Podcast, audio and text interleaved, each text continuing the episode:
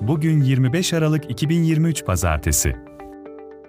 Yansız.com günlük haber bültenini dinlemektesiniz. Türkiye'nin kuzey ve doğusu bulutlu, Doğu Karadeniz kıyıları yağışlı olacak. Artvin'de kuvvetli yağışlar bekleniyor.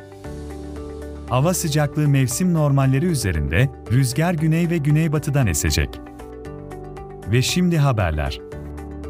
Ok Meydanı Şehir Hastanesi'nde Doktor Mertcan, Y hasta yakınları tarafından saldırıya uğradı.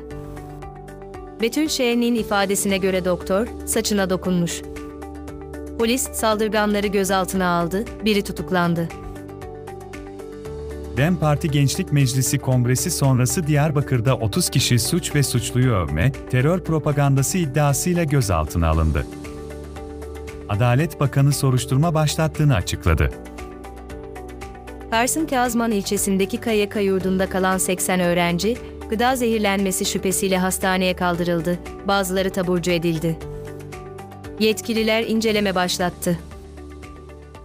Ağrı Kültür ve Turizm Müdür Vekili Erkan Köseda, çocuk sporculara istismar iddiasıyla tutuklandı. Sosyal medyada paylaşılan mesajlar üzerine gözaltına alındı ve görevden uzaklaştırıldı.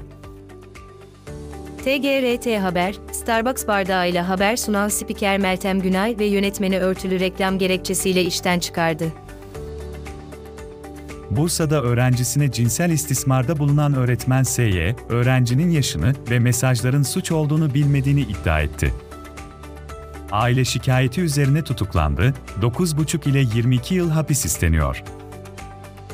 İstanbul'da bir kamu bankası çalışanı Ümit G, yüzlerce kişiden yüksek kar vaadiyle 100 milyon dolar topladığı iddiasıyla gündemde.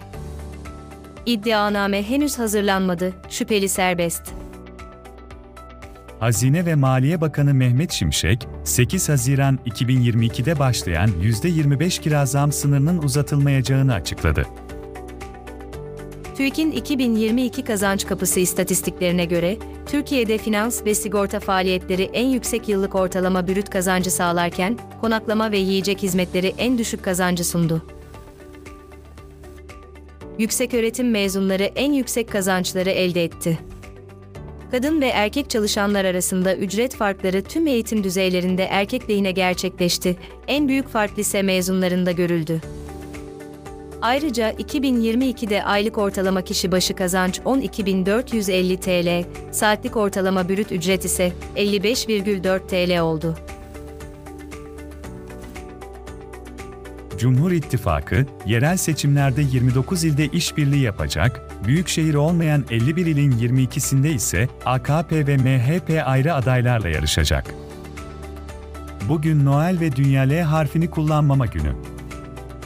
Daha fazla bilgi ve içerik için ceptakvimi.com ziyaret edin. Daha fazlası için yansiz.com adresini ziyaret edebilirsiniz. Sosyal medya hesaplarımızı takip ederek, paylaşımlarımızı beğenerek ve yorum yazarak bize destek olabilirsiniz.